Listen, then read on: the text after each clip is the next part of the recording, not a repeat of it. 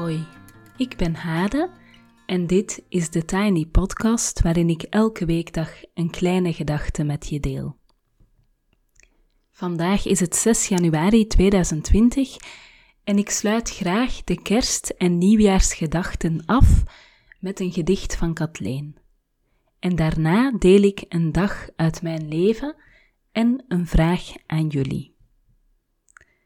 Kathleen duikt regelmatig op in de Tiny Podcast. Ik zet de link naar haar fijne blog in de show notes en laat haar aan het woord met haar leuke gedicht over 2020.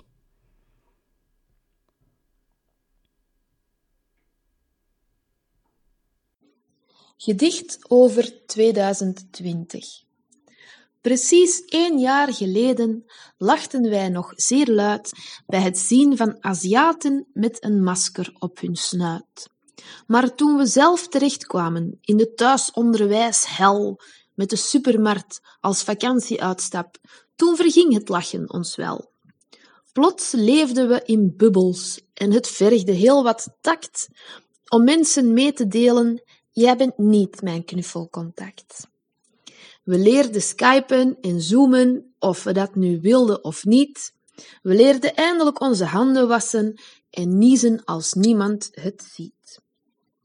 We kregen een snelcursus virologie van superster-virologen en zielig starend uit het raam zagen wij voor onze ogen de natuur openbloeien in al haar pracht. Vogels, walvissen, tijgerinnen, en je zag aan hun blik dat elk dier dacht: hou die mensen nog maar even binnen.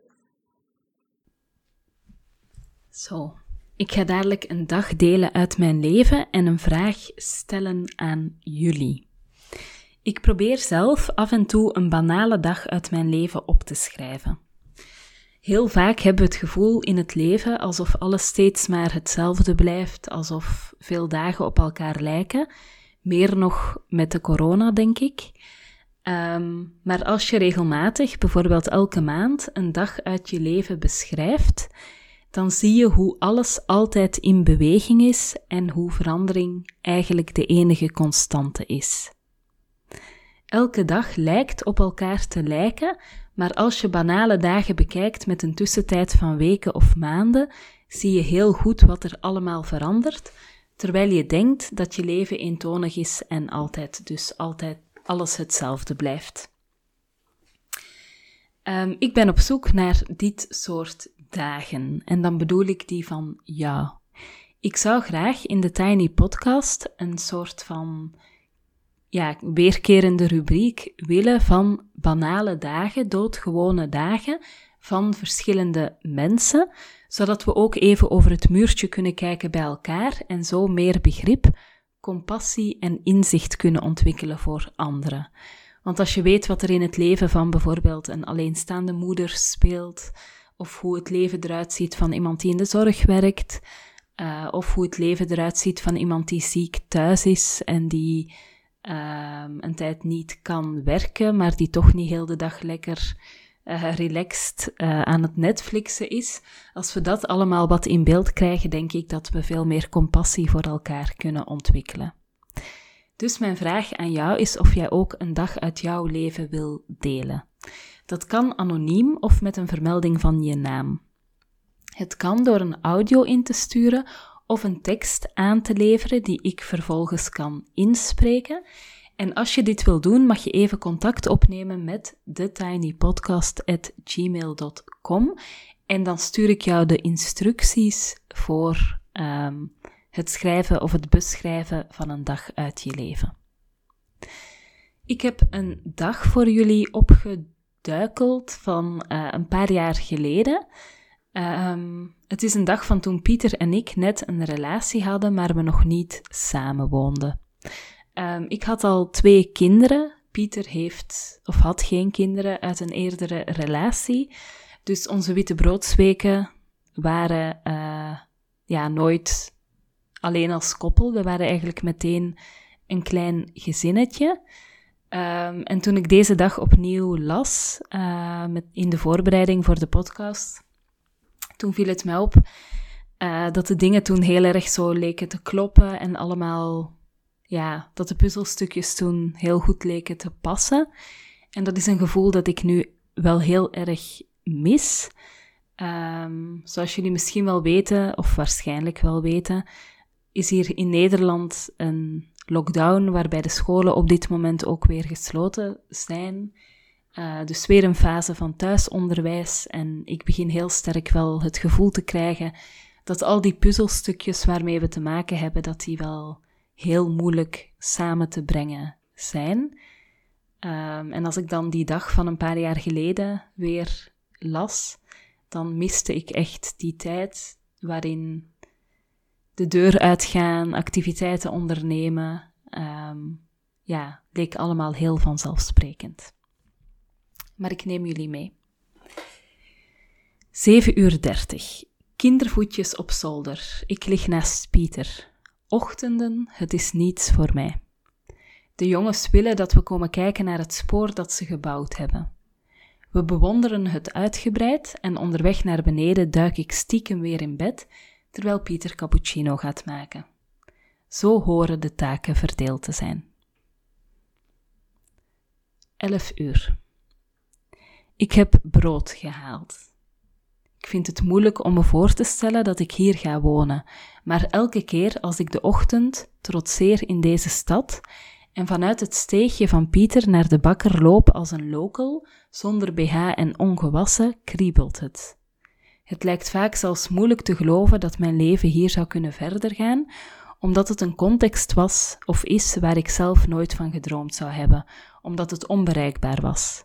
Een mooi huis midden in een mooie stad, een leuke buurt, alles op wandelafstand, een geweldige gedeelde tuin achter het huis. Ik had het zelf niet mooier kunnen verzinnen. We hebben samen ontbeten. De jongens hebben gespeeld en tv gekeken, ik heb soep gemaakt, we hebben gedoucht en nu gaan we op pad. 12 uur 30. We hebben wat gewinkeld en zitten in een kindercafeetje waar de jongens leuk kunnen spelen. We lunchen tussen andere ouders en ander grut. Waarom het concept kindercafé in België nog niet bedacht is, is me volstrekt onduidelijk.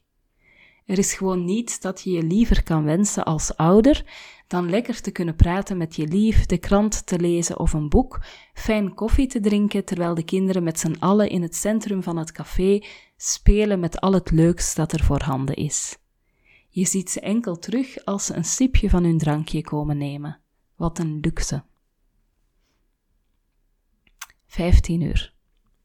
Ik loop chagrijnig van de H&M naar huis, naar het huis van Pieter. Ik heb kleding gekocht om te sporten en ik heb een soort diep gewortelde afkeer ten opzichte van sporten. Maar ik ben het ook eens met Pieter dat mijn conditie helemaal niet goed is. Ik heb elke dag pijn en ben niet bepaald in topvorm voor een vrouw van 32. Dus ja, daar moet ik wat aan doen. Maar nee, daar heb ik geen zin in. En ik hou ook al niet van de H&M. Ik ben er jaren niet geweest en heb veel bedenkingen bij de herkomst en prijzen van de kleding. Ik heb een soort ideaalbeeld van mezelf en in dat beeld ben ik inderdaad wat slanker en sportief en fit en energiek, maar het is best moeilijk om daar ook daadwerkelijk naartoe te werken. 15.30 uur. Zwemmen met de jongens. Het is iets dat Pieter en ik vaak doen. De jongens vinden het geweldig en Pieter ook. Ik hou er minder van. Koud en nat maar ik zie ook dat het een goede activiteit is voor mijn twee energiebommetjes. Pieter heeft me veel geleerd over mijn ouderschap. Als alleenstaande ouder was ik lang in een periode van schaarste. Schaarste van geld is één ding en misschien nog wel het meest relatief, maar ook tijd en energie waren schaars. Het besef viel koud op mijn dak toen ik het een tijdje terug, toen ik een tijdje terug van een opdracht naar Pieter toereed en hem vanuit de auto belde dat ik een voorstel met een offerte de deur uit moest doen en dat ik dus niet zou kunnen koken zoals ik eerder had aangekondigd. Ik werkte en daarna gingen we uit eten.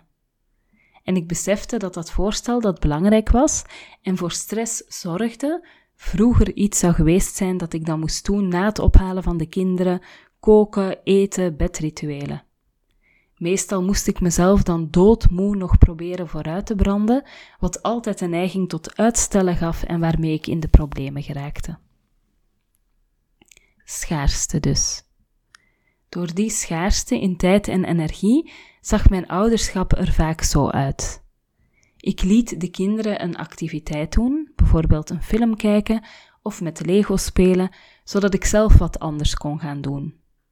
Of ik verwachtte van de kinderen dat ze leuk speelden terwijl ik uitgeput op de bank de krant las. Beide scenario's zijn niet erg verbindend. Met Pieter is de tijd en energie drastisch toegenomen, hoewel we beide ook niet zo'n sprankelende en energieke mensen zijn, en doen we ook echt activiteiten met de kinderen, samen. Niet, jij neemt ze mee zodat ik kan werken en daarna doe ik, doe ik wat, zodat jij tijd voor jezelf hebt. Maar echt met z'n viertjes. Dat is zo verbindend en gezellig en ik sta er nog steeds verbaasd van dat Pieter dat ook echt wil en er zelf van geniet als pluspapa. 18 uur. Ik draag een vermoeid klein jongetje het huis in. De grote zoon schrijft in een schriftje dat hij van me gekregen heeft. Erg leuk om te zien hoe hij zich uit. Hij maakt lijstjes van de namen van de kindjes van zijn klas, schrijft op wat we vandaag gedaan hebben, maakt sommetjes. Heerlijk. De kleine zoon kliert er een beetje tussendoor. Ik kook.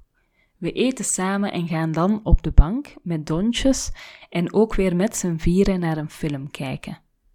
De jongens liggen heerlijk tegen ons aan.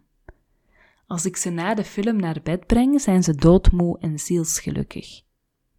Het is alsof ze alles gekregen hebben wat ze nodig hebben aan tijd, energie, liefde en uitdaging.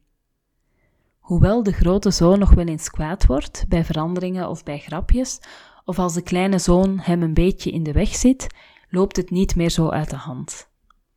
De kleine zoon haalt kattenkwaad uit, genre sleutels van kast te halen, maar is ook los van me en vrij. Hij slaapt moeiteloos alleen en heeft het naar zijn zin. 21 uur 30. Een dag met de kinderen is intens. Pieter en ik genieten nog even van tijd met ons tweetjes. We maken grapjes over zijn family man gehalte. Hoe je het ook draait of keert, ik vind het gek dat deze man die zo geniet van de tijd met kinderen en er ook zo natuurlijk goed in is, op zijn eigen bescheiden manier nog geen gezin met twintig kinderen had. Lucky us. 22 uur 30. Van zodra mijn hoofd het kussen raakt, slaap ik. Ik merk amper dat Pieter naast me komt liggen. Ook ik ben erg voldaan, alsof ik alles krijg wat ik nodig heb op deze mooie plek. Het ellendige gevoel van door mijn energie heen zitten, waar ik al jaren mee vecht, is hier vervangen door een gevoel van totale vermoeidheid op het einde van de dag. Maar wel een gezonde, lekkere vermoeidheid na veel verbondenheid, liefs en actie. Heel anders dan het gevoel mijn energie verloren te hebben aan frustratie en gevecht met mezelf. Zo, dat was een dag uit mijn leven van enkele jaren geleden. Het klinkt, uh, als ik het teruglees, allemaal heel happy, happy. En um, nou ja, om het zo te houden was er, uh, hadden we beter geen tweeling en geen coronacrisis uh, gekregen. Um, maar ik denk dat het goed is om dit voor mezelf nog een keer terug te zien en te weten dat het misschien binnen een tijdje, als de hele boel weer wat uh, rustiger wordt, dat het weer zo zou kunnen worden. Wil jij ook graag een dag uit jouw leven delen? Mail me dan op thetinypodcast.gmail.com en dan geef ik jou de instructies um, en plannen we samen in wanneer ik jouw dag, anoniem of met jouw naam, mag gebruiken in de podcast. Tot zover voor vandaag. Je kan me volgen op Instagram, TheTinyPodcast. Je helpt me door deze podcast wat sterretjes te geven op iTunes, een review achter te laten en of hem door te sturen aan iemand anders die er misschien ook graag naar luistert. Abonneer je via Spotify Google Podcasts of Apple Podcasts en zo wordt de podcast ook weer makkelijker vindbaar voor anderen. Tot morgen.